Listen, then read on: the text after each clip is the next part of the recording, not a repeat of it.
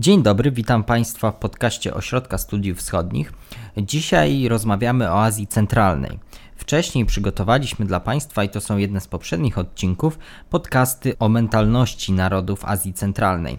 Dzisiaj chcemy dalej opowiadać Państwu o tych bardzo ciekawych krajach, o tych bardzo ciekawych społeczeństwach, a chcemy o tym opowiadać na bazie wydarzeń, o których część z Państwa może słyszała. Między innymi dzisiaj porozmawiamy o takiej bardzo e, głośnej ostatnio sprawie pomnika psa przywódcy Turkmenistanu, o tym skąd się to wzięło i jakie społeczne tło i kulturowe stoi za tym wydarzeniem, ale także o chociażby, ale także chociażby o ostatniej rewolucji w Kirgistanie, co ona znaczy dla tego kraju i co ona znaczy dla regionu. To pierwszy odcinek serii podcastów o tym, co się dzieje w Azji Centralnej, bo tak jak wspominałem, chcemy opowiadać o tym regionie w kontekście wyjaśniania współczesnych wydarzeń. A jak Azja Centralna, to oczywiście jest z nami dr Mariusz Marszewski. Dzień dobry. To jest podcast Ośrodka Studiów Wschodnich.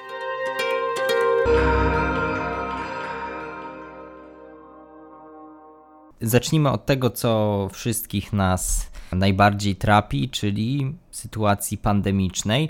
I tutaj ciekawa informacja: Turkmenistan notuje zero przypadków, zero zgonów, zero. W Turkmenistanie nie ma pandemii według oficjalnych danych. Turkmenistan e, stłukł termometr, żeby nie było gorączki, czyli Turkmenistan nie rejestruje żadnej pandemii konsekwentnie od początku pandemii, choć Pierwsze oznaki, że jakieś są przypadki COVID-19 w Turkmenistanie, z uwagi na bardzo ciasne relacje gospodarcze z Chinami, możemy datować na styczeń 2020 roku. 31 stycznia turkmeńskie linie lotnicze Turkmenistan Havayollary zawiesiły lot, loty, zaczęły pierwsze zawieszać loty e, do Bangkoku i do Pekinu, to już czartery związane z tymi obszarami to jest prawdopodobny czas pojawienia się pierwszego zagrożenia. I to były pierwsze prawdopodobne kroki władz przeciwko koronawirusowi. W, w końcu lutego tegoż roku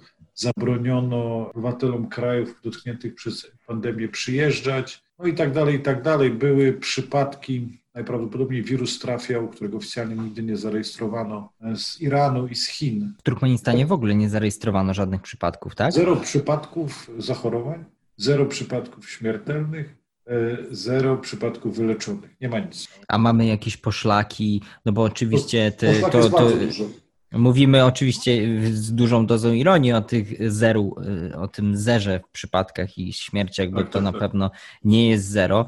E, mamy właśnie jakieś poszlaki wskazujące na to, że, że jednak ten COVID jest w Turkmenistanie i jak on, jak, dużo, jak dużą skalę ma ta pandemia? Trudno określić, no jeżeli tam nie wgłębiać się w historię, bo pandemia już ma e, w Turkmenistanie prawdopodobnie ma już e, pewnie około roku, albo niecały rok, to z uwagi na ciasne kontakty z Chinami i z Iranem, czyli krajami bardzo dotkniętymi koronawirusem w różnych okresach, no to na ostatnią poszlaką, która się pojawiła, no oprócz tego, że jakiś ileś tygodni temu wprowadzono obowiązek noszenia masek, tłumacząc to pyłem roznoszonym z Morza Aralskiego, to w ostatnich y, wysychającego, to ostatnio wprowadzono zakaz, faktyczny zakaz przemieszczania się ludzi w podeszłym wieku. I czym to wytłumaczono? Też jakimiś Tłumaczono to, że jest, latają? Nie, nie, nie, tym razem wytłumaczono to e, po prostu, że jest sezon e, zachowań wirusowo-grypowych i lepiej, żeby nie zachorowali. Zakazano poza tym używanie faktycznie w mediach określeń choroby tam e, COVID-19 czy innych skrótów świadczących o tym, że że choroba y, się y, rozprze... sam nazw, tak, koronawirus, po to, żeby nie, oficjalnie po to, żeby e, nie pogłębiać paniki. Ciekawsze, że w tym jakby nasza rodaczka Paulina Karwowska, szefowa biura e, Światowej Organizacji Zdrowia w Turkmenistanie, Pani doktor podziękowała władzom turkmeńskim za środki prewencyjne. No rzeczywiście środki prewencyjne są na wysokim poziomie, no bo wprowadzane są rozmaitego rodzaju zakazy, które można egzekwować w państwie o, to, totalitarnym, wręcz no, autorytarnym charakterze rządów, którym ludność się podporządkowuje która ma środki przymusu bezpośredniego, żeby te, żeby te zakazy egzekwować. I to powoduje, że wszelkiego rodzaju restrykcje dotyczące się przemieszczania, kontaktów, zamykania, izolowania, to co spotyka się z tak ogromnym sprzeciwem w krajach rozwiniętego Zachodu, w Unii Europejskiej, w Polsce, we Francji. E, ostatnio słyszałem o pod, pod, podziemnych imprezach nielegalnych, otwartych barach właśnie we Francji, czy zakładach rozmaitego typu usług usługowych, które związane są, związane są z kontaktami między, międzyludzkimi, no to w Turkmenistanie jest to egzekwowane natychmiast w bardzo brutalny sposób i przynosi efekt. Ludzie rzeczywiście się ze sobą nie kontaktują i rzeczywiście te prewencyjne miery odnoszą skutek, te, te, te, te działania. Z tym, że no w oczywisty sposób no, koronawirus się w kraju rozprzestrzenia. Poza tym były mhm. przypadki, że władze same naruszały, wprowadzały zasady dystansu społecznego, na przykład organizując wielkie wydarzenia związane też z kontaktem między ludźmi, na przykład, co prowadziło do rozprzestrzeniania się choroby. Na przykład w czerwcu zorganizowano Wielki Światowy Dzień e, Roweru. 3 czerwca, ruchu rowerowego, święto ruchu jakiegoś rowerowego, na którym uczestniczył, w którym uczestniczył też prezydent na rowerze i mnóstwo ludzi zostało do tego, do tego, tego marszu rowerowego, do tego pochodu zostało zobligowanych. Ja też rozmawiałem z, z, z Turkmenami na ten temat, mi tłumaczyli, że Oficjalnie mówi się, że kilkadziesiąt tysięcy wziął udział w tej uroczystości. Natomiast ja rozmawiam z Turkmenami, którzy wymieniająco odpowiedzieli, mieszkającymi w Aszchabadzie, w Aszchabadzie, w stolicy Turkmenistanu, że a nie poszliśmy, a z uwagi na kontrolowanie tych y, środków, telefonów, czy komunikatorów, czy maili, przez które się porozumiewamy, ja pytam, dlaczego nie poszliśmy? A, bo była brzydka pogoda. Przecież nie ma koronawirusa, prawda? Czyli z uwagi na brzydką pogodę nie poszli. Nie sprawdziłem w prognozie pogody, czy ona rzeczywiście była brzydka.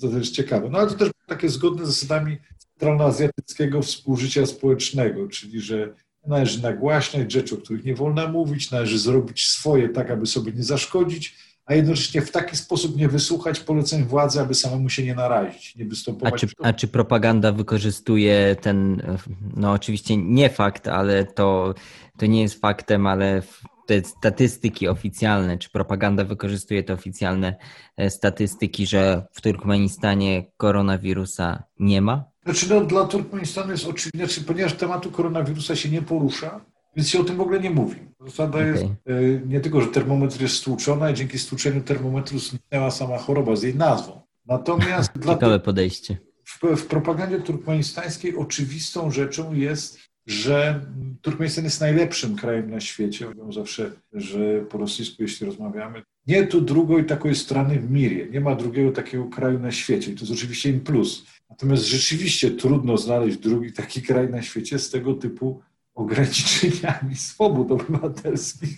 Przy jednoczesnym stwierdzeniu, że koronawirusa nie ma, ale i tak podejmujemy y, działania Ale za każdym razem one są uzasadnione w inny sposób. A to rzeczywiście te wyjaśnienia same w sobie są, są duży, dużą taką dostawą, no w pewnym sensie anegdot, no i taką właśnie jedną z anegdot, którą chciałbym, żebyśmy wyjaśnili. Znaczy nie anegdot, bo to jest, y, bo to jest coś, co poważne wydarzenie w, Kirgiz- w Turkmenistanie, czyli pomnik psa prezydenta. No jest to związane, no, po pierwsze, no, ta propaganda, o której mówimy, ta, y, stosowana przez władze, no to jest, budowane są rozmaite, jest stosowana ekwilibrystyka słowna, żeby, żeby poradzić sobie z walką z zagrożeniem, jednocześnie unikając opisu zagrożenia, udowodniając, że go nie ma i w ogóle, że ono nie istnieje, a jednocześnie pokazując po niemu przedsiębrane środki. To jest trochę 1984 Orwella 2.0. Natomiast hmm. jeżeli psa, co jest wyśmiewane u nas jako absurd, jako, jako coś yy, groteskowego, złoty pomnik psa, tak zwany centrum miasta, no jest to związane z tym, że y, Turkmeni są podzieleni na kilkadziesiąt plemion. Kilka jest dużych, kilka jest świętych, mających kultowe, y, zarezerwowane, zarezerwowaną rolę dla czynnej praktyki y, obrzędowości i religijności muzułmańskiej kilka jest takich dużych, rywalizujących ze sobą, kilka jest, kilkadziesiąt jest małych i słabych. Tych, wśród tych plemion funkcjonuje hierarchia, funkcjonują zasady zawierania małżeństw we własnym gronie, zwłaszcza wśród plemion świętych, uzasadniających swoje, swoje sakralne znaczenie, arabskim pochodzeniem, pochodzeniem od pierwszych muzułmańskich misjonarzy, czy, czy pierwszych klifów sprawiedliwych islamu, czy, czy, czy samego proroka islamu. I to jest ten sposób Muhammada, i to jest ten sposób uzasadniany. Nawet badania genetyczne przedstawicielem tych plemion rzeczywiście on ma jakieś geny bliskowschodnie, wskazujące na pochodzenie z, z obszaru południowej części Basu Śródziemnego, czyli ta legenda. Rzeczywiście prawdopodobnie ma jakieś pochodzenie arabskie, przynajmniej częściowo. Natomiast e, to wszystko powoduje, że funkcjonują duże struktury społeczne, liczne, które są konkurencyjne wobec państwa, niezależne wobec państwa, niezależne struktury pionowej, poziomej. Plemion funkcjonuje hierarchia, wśród rodów danego plemienia, wewnątrz niego funkcjonuje hierarchia. I to wszystko tworzy sytuację potencjalnego rozdrobnienia państwa, dezintegracji. No, sami Turkmeni, dobrze, oddajmy głos Turkmenom, których, z którymi mogłem zrobić zapiski z rozmów z nimi w swoim życiu, oni mi tłumaczyli, że tego typu y, symbole, wykształcenie zwłaszcza tego typu kult jednostki, on jest po to, żeby ludzie wokół czegoś się jednoczyli, integrowali, że jeżeli tego nie będzie, to poszczególne plemiona zaczną na siebie napadać, zabijać, walczyć ze sobą, walczyć o zasoby. Dojdzie do rozpadu państwa, dojdzie do czegoś, co znamy z Polski jako rozbicie dzielnicowe na przykład w historii Polski w średniowieczu i jako przykład dawano Afganistanu. Czyli mówią, przejdziemy przez granicę. Niektórzy, którzy mi tu pracowali sami w Afganistanie, administracji amerykańskiej czy jakiejś organizacji międzynarodowej medycznej, to jest Lekarze Bez Granic, którzy mają problem z pracą w Turkmenistanie, natomiast pracują w Afganistanie. E, I oni tłumaczyli, że jeżeli chcesz zobaczyć, jaki byłby Turkmenistan, gdyby nie było kultu jednostki, budowli, pomników, a tego wszystkiego, z czego wy się śmiejecie na zachodzie, z elity, no to wyjedź do Afganistanu i zobacz, jak jedna wioska walczy z drugą, jak, jak planowa młodzież handluje narkotykami, zaciąga się do ekstremistycznych ugrupowań muzułmańskich itd., tak itd. Tak Żywym przykładem tego, w czym mógłby się zmienić Turkmenistan, gdyby nie było tej e, spajającej kraj ideologii, która wygląda z zachodu bardzo absurdalnie, to jest Afganistan. Skomplikowane społeczeństwo plemienne, ta makrostruktura musi być jakoś zarządzana i jest tworzona na bieżąco, na bieżąco weryfikowana ideologia narodowa. Jej symbolami są właśnie takie rzeczy jak koń turkmeński, pies turkmeński, Turkmenistan jako kraj, turkmeńskość jako ideologia, to jest po turkmeńsku turkmencilik. E, I, no i wygląda to z zachodu to dosyć szaleńczo, natomiast to spełnia swoją rolę. Trzeba podkreślić w analogicznych i rzeczywiście ten pomnik, ten pomnik psa prezydenta Turkmenistanu on w jakimś stopniu zjednoczył ludzi? Oni nie czują Turkmenii no absurdalności? Niewątpliwie Turkmeni są pełni podziwu dla swojego kraju, w takim jakim odnuje, dla, dla jego bogactwa wynikającego z węglowodorów, dla właśnie tej całej y, gigantomanicznej y, ideologii narodowej związanej z budowlami, o, symbolice ogólnopaństwowej, ogólnonarodowej i to spełnia swoją rolę. Wzorcem tutaj dla nich w dużej mierze wydaje się być Turcja z dawniej mauzoleum Anabir e, w Ankarze. Natomiast ja nie zauważyłem, żeby Turkmeni widzieli kiedykolwiek tego absurdalność. Sąsiednie narody Azji Centralnej widzą i to nawet w rozmowach takich, gdzie nie było drugiego Turkmena. Ta ideologia w dużej mierze ona jakoś swoje zadanie spełnia. Przede wszystkim ona udowadnia wszystkim Turkmenom, że oni są członkami tego samego narodu co wśród turkmeńskich plemion jest głęboko nieoczywiste, bo te plemiona turkmeńskie uważają się za Turkmenów, ale za czystej krwi Turkmenów na przykład uważają tylko członków swojego plemienia, a pozostałych nie. Pozostałe nie są dla nich Turkmenami. Bardzo często wśród innych plemion. Inne plemiona, na przykład te święte plemiona, tak zwane święte plemiona, uważają się za ludzi, którzy w ogóle są pochodzenia arabskiego. I rywalizacja pomiędzy plemionami, no, wszystko to może rozsadzać od środka strukturę państwową, którą w dużej mierze, której granice, ośrodki miejskie, i pewnego rodzaju infrastrukturę zbudował dopiero Związek Radziecki, łącząc ze sobą skonfliktowane ze sobą przez całe stulecia plemiona turkmeńskie funkcjonujące w relacjach z innymi ośrodkami historycznymi, takimi jak Chiwa, Buchara, Iran czy Persja. I, a środkiem tego kraju, kraj jest niemalże jak uważany, jak środkiem tego kraju jest pustynia, i dopiero Związek Radziecki zbudował na tej pustyni e, wielki kanał karakumski, wokół którego mieszkają setki tysięcy ludzi, który łączy dwa brzegi tego uważanka, gdzie realnie mieszkają ludzie i wybrzeża Morza Kaspijskiego, gdzie ludzie. Czyli na tyle e, wykreowany kolonialnie czy postkolonialnie musi mieć jakąś ideę, musi mieć jakiś pomysł na to, żeby żeby to całe społeczeństwo jednoczyć, żeby on się nie rozpadł. I tutaj analogią, którą ja lubię przywoływać w tym momencie jest również wyśmiewana z Europy Republika Środkowoafrykańska, która została ogłoszona cesarstwem, której cesarzem e, ogłosił się niższej rangi e, francuski oficer wojsk e, kolonialnych, Jean Bedel Bocassa, i który według wielu bardziej oficjalnych czy nieoficjalnych przekazów, oprócz pompatycznych, monarchicznych uroczystości, potrafił zjadać swoich wrogów, ale miał też program modernizacyjny, miał też program narodowy, miał też program niezależności politycznej. Wszystko to jest w Turkmenistanie. Miał też program gry politycznej z wielkimi mocarstwami, małymi graczami i próbował budować naród środkowoafrykański w plemiennie podzielonym społeczeństwie. W Afryce to jest dużo bardziej widoczne niż, niż w Turkmenistanie. I, I, no i to się nie udało. Natomiast obecnie, kiedy do Republiki Środkowoafrykańskiej wkracza Rosja, próbuje odbudować ten kraj właśnie w, myśl, w duchu myśli politycznej e, Bokassy, posługując się starymi kadrami z czasów Bokassy, mając też przed oczami najprawdopodobniej własne, e, własne były kolonie w Azji Centralnej, tudzież Czeczenie, gdzie podobnie w plemiennym społeczeństwie jest kult jednostki, gdzie, gdzie ten kult jednostki jest rozwijany po to, żeby Czeczenów jakoś jednoczyć. I trzeba podkreślić, że to już nie jest zdanie Turkmena, tylko zdanie Czeczenów, z którymi udało mi się rozmawiać, kiedy y, dziennikarze rosyjscy wzywali Czeczenów, potępiali Czeczenie za kult jednostki, za te obrazy, za portrety, za nazywanie wszystkiego w cześć ojca lub syna Kadyrowów albo Ramzana, Ahmada Hadzi to wówczas y, zaczęto zdejmować te portrety i ograniczać to monumentalne budownictwo historyczne. Mhm. I wtedy, bo to jest najważniejsze, to jest klucz, e, narodziła się reakcja, to dziennikarze, y, sam widziałem ten materiał opracowany przez dziennikarzy rosyjskich, pytali ludzi, jaka jest na tych reakcja. Oni mówią, że się wystraszyliśmy. A dziennikarz mówi, dlaczego? A no bo wszędzie zdejmują te portrety, y, co się kończą te święta, to wszystko znaczy się, że coś jest z państwem i że znowu będzie wojna. I to trzeba powiedzieć, że dla ludzi to, że są budowane te budowle, otwierane są pomniki, wieszane są największe na świecie flagi. Nie pamiętam ile, jak, ile metrów ma ta gigantyczna flaga Turkmenistanu, która jest w centrum miasta, która jest symbolem wszystkich Turkmenów, ale na niej są symbole pięciu plemion turkmeńskich, najważniejszych. E, szóste nie znalazło się na fladze, jest dyskryminowane.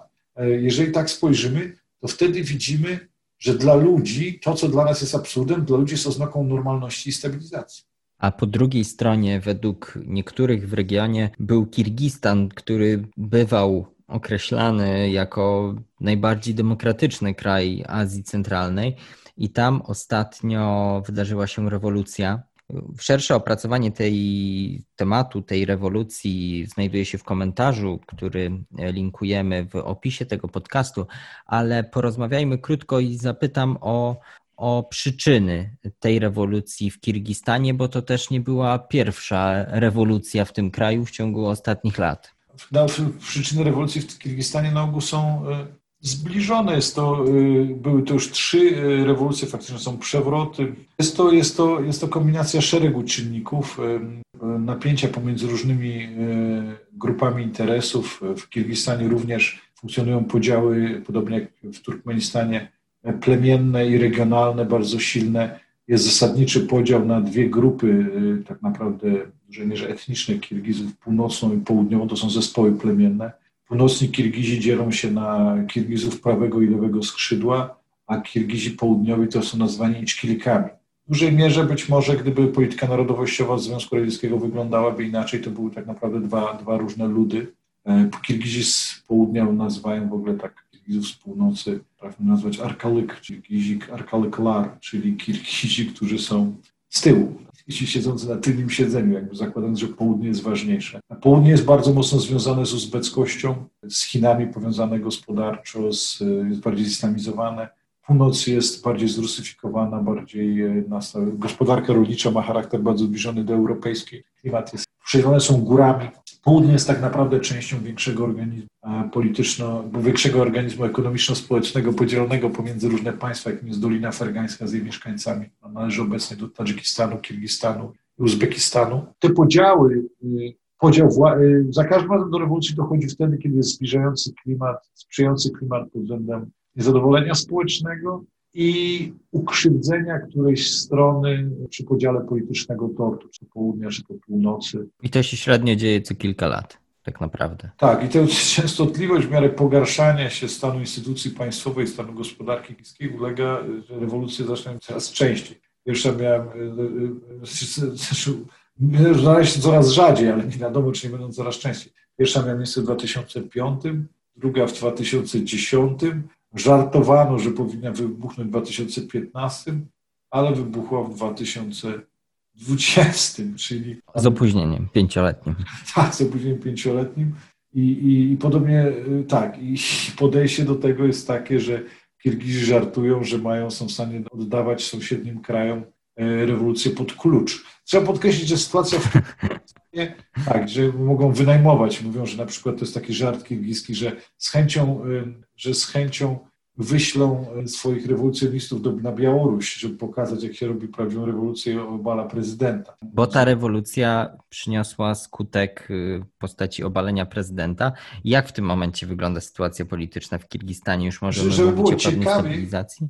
Żeby było ciekawie, to chciałbym zauważyć, że podobne protesty z uwagi na straszną sytuację gospodarczą centralnej, blokującą migrację inicjatywy gospodarcze, podobne protesty zaczęły wybuchać nawet wśród Turkmenów, ale oczywiście nie w Turkmenistanie, tylko za granicą. Jest taka postać a propos tych analogii białoruskich, która jest nazywana tą turkmeńską yy, Fitlaną Tichanowską, czyli ten symbol protestów na, na Białorusi. Istnieje również w swoim turkmenistańskim ekwiwalencie i to jest to jest migrantka turkmeńska, która mieszka i pracuje w e, Turcji. Mimo represji, jakie są kierowane na rodziny protestujących Afganistanie, drony i kamery i poznawania twarzy i korzystania, przeglądania maili elektronicznych w rękach służb specjalnych, no to wiadomo, że służby będą represjonować e, członków rodzin. W Azji Centralnej rodziny są ogromne, to jest pokrewieństwo do siódmego pokolenia, to jest krewni. No więc e, taka Turkmenka, Dursultan Taganowa, mieszkająca w,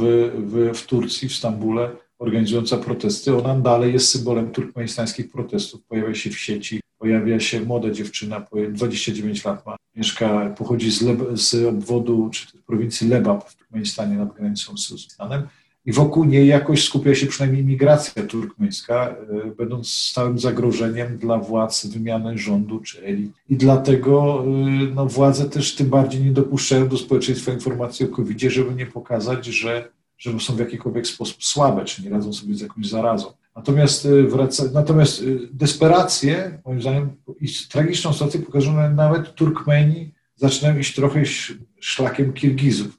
Natomiast jeżeli chodzi o Kirgizm, no to już jest pewnego rodzaju rutyna, tak jak wspominałem.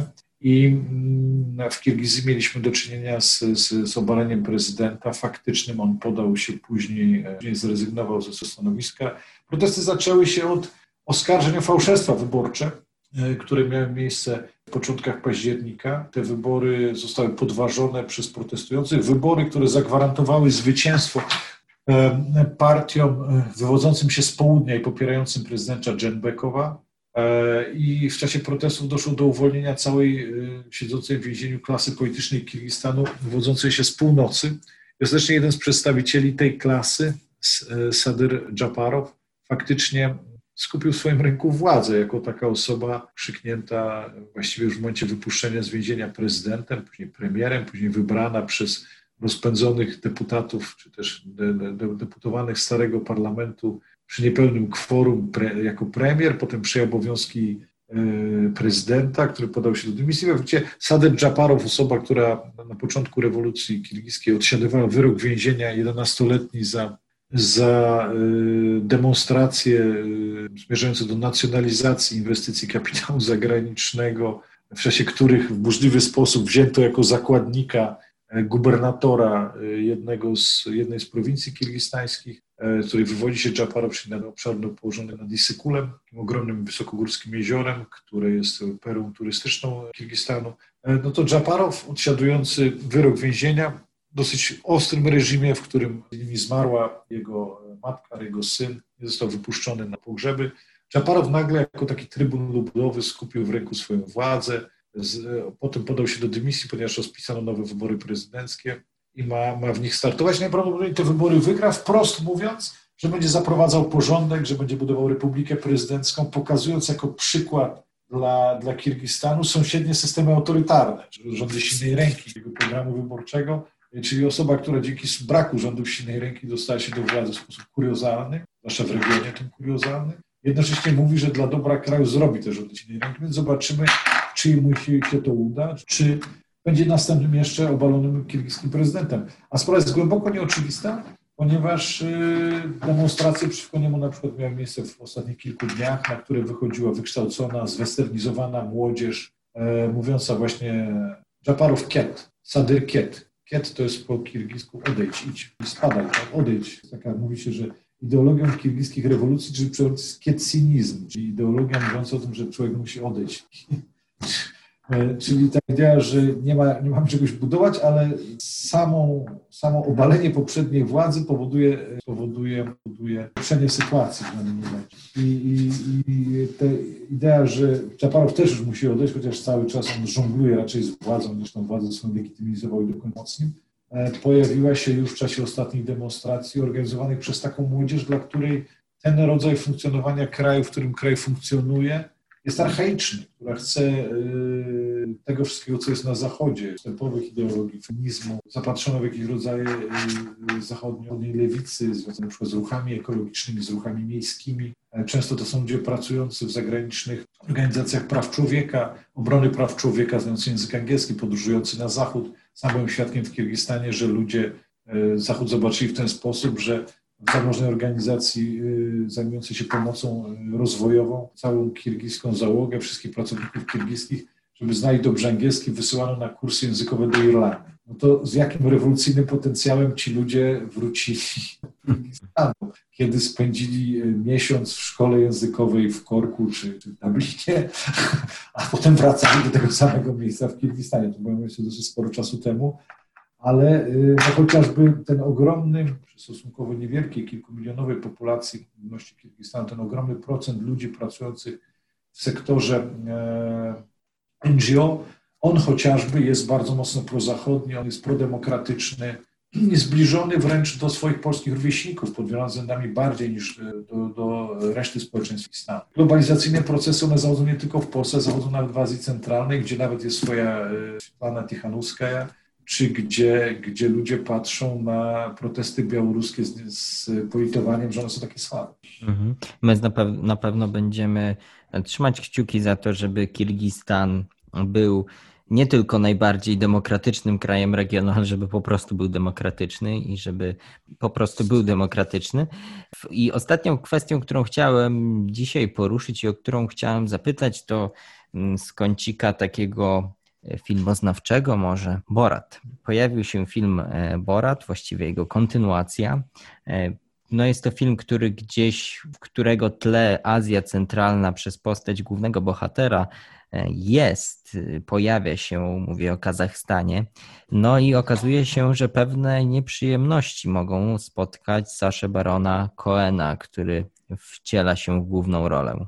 No tak. Y, Borat 2, film, który y, pojawił się w, ostatnich, w ostatnim czasie, no on jest specyficznym filmem. No te, te filmy w ogóle zawierają skecze improwizowane. Żydowskiego pochodzenia brytyjski komik Sasha Baron Cohen, globalnym komikiem z rozmaitymi bardzo pomysłami. Ileż już krwi napsuł nie społeczeństwom, a reżimom Azji Centralnej film Dyktator tegoż autora, który był w dużej mierze intelektualną, intelektualnym dialogiem z tym, e, z reżimami centralnoazjatyckimi. Chociaż w Azji Centralnej był tak odczytywany, a nie e, w kategorii e, bliskowschodniej, tak jak był odczytywany na świecie. W Turkmenistanie na przykład Dyktator był film, który znajdował się cenzurowany, film polityczny. W wielu krajach władze też patrzyły na niego no, z takim dosyć dużym zaniepokojeniem, bo on wyśmiewał wprost i wyszydzał mechanizmy władzy, które są podstawą funkcjonowania centralnoazjatyckich państw i społeczeństw. Natomiast sam Borat jest filmem, który zwłaszcza w Kazachstanie przez sporą część społeczeństwa jest odbierany, zwłaszcza elity, bardziej jego druga część, jako, mm, jako taki element hańbiący, jako takie splunięcie w twarz. E, kiedy pojawiła się druga część, jeden z przywódców kazachskiego świata przestępczego wręcz na swoim Twitterze, później Instagramie, już teraz pamiętam, umieścił y, propozycję nagrody za, za głowę, jakieś zemszczenie się na, na, na, na, na Saszy Baronie Koenie za, za, za Borata dwójkę. No już jedynka spowodowała, no znani mi Kazachowie opisujący swoje przygody w Ameryce, byli zażenowani, że byli przede wszystkim kojarzeni z Boratem i ten rodzaj niewybrednego humoru, który tam jest, no, powodował, że oni tracili dobre imię, zwłaszcza w Azji Centralnej dobre imię, reputacja to jest coś bardzo ważnego. I podejście bardzo dużej części społeczeństwa, zwłaszcza tej elitarnej, jest takie, że to była utrata dobrego imienia, że to jest niewybredny humor, który jest hańbiący. Natomiast pewna część, zwłaszcza ludzi nastawionych otwartych, otwartych pod marketingowym, e, uważała, że to jest super, bo Dzięki... Nieważne jak mówią, ważne, żeby nazwisko. Tak, jest to, jest to super reklama, dzięki której Kazachstan został rozsławiony na całym świecie, że tak naprawdę nie ma się czym przejmować, bo tak naprawdę pokazane są to realia i rzeczywistość nie Azji Centralnej, ale krajów Europy Środkowo-Wschodniej, czyli krajów jak Polska, że, że no nawet tam są polskie słowa, przecież. Jeden z słów, który używał Borat jest dziękuję, czyli dziękuję Natomiast, y, więc jakby Kazachowie, byli tacy Kazachowie, tacy członkowie elity kazachskiej, którzy super potrafili się zdystansować do, do Borata, zarówno dzięki, jak i dwójki. Eee, niezależnie od tych treści, które tam są pokazane. Natomiast tak czy inaczej była sytuacja, w której w jednym z krajów e, Półwyspu Arabskiego, nie wiem, czy to był Oman, czy to były Zjednoczone Emiraty Arabskie zawodzi, ale generalnie w czasie y, jednych z zawodów sportowych kiedy, była, kiedy trzeba było odtworzyć hymn Kazachstanu. E, w sensie rozleniwiona obsługa tych zawodów puściła hymn Kazachstanu z YouTube'a, który był hymnem Kazachstanu z Borata Jedynki. Ojej. Na baczność miała wtedy stać reprezentacja Kazachstanu wobec filmu, no, którego treść jest co najmniej niewybrednym żartem. Tutaj nie będę cytował tutaj promiskuistycznych czy kazirodczych treści, które są zawarte w, tym, w treści tego hymnu. E, no, flaga Kazachstanu użyta w Boracie też jest oryginalną flagą Kazachstanu, a nie Kazachstanu wymyślonego. Także no to jakby no, nie pozostawiło jednak, no oczywiście protesty, były protesty dyplomatyczne po tym zdarzeniu Kazachstanu, ale Kazachstan próbuje być całkiem normalnym państwem z, z silną służbą dyplomatyczną, armią, który był szefem OBWE w pewnym okresie, ma tu Borat. Także to też jest element, który, no, który jest głęboko niejednoznaczny i zrobienie drugiej części, no to jest takie, że no to jest jakby takie drugie naruszenie granic i nietykalności cielesnej i kazachskiego społeczeństwa i kazachskiego państwa przez wybitnego brytyjskiego satyryka. Dziękujemy za uwagę. To był pierwszy odcinek z serii Co się dzieje w Azji Centralnej. Kolejne odcinki już wkrótce. W imieniu Moniki Suszek zapraszam na nowy format na naszym kanale podcastowym. Będzie to format słuchowiska. Publikacja już w przyszłym tygodniu. Ja się z Państwem słyszę w tradycyjnym formacie wywiadów i w następnym odcinku porozmawiamy o roku 2020 i o roku 2021. Czy będzie lepszy, co przewidujemy i co może się wydarzyć w najbliższej przyszłości. Także do usłyszenia następnym razem. Wysłuchali Państwo podcastu Ośrodka Studiów Wschodnich. Więcej nagrań można znaleźć na stronie www.osw.waw.pl.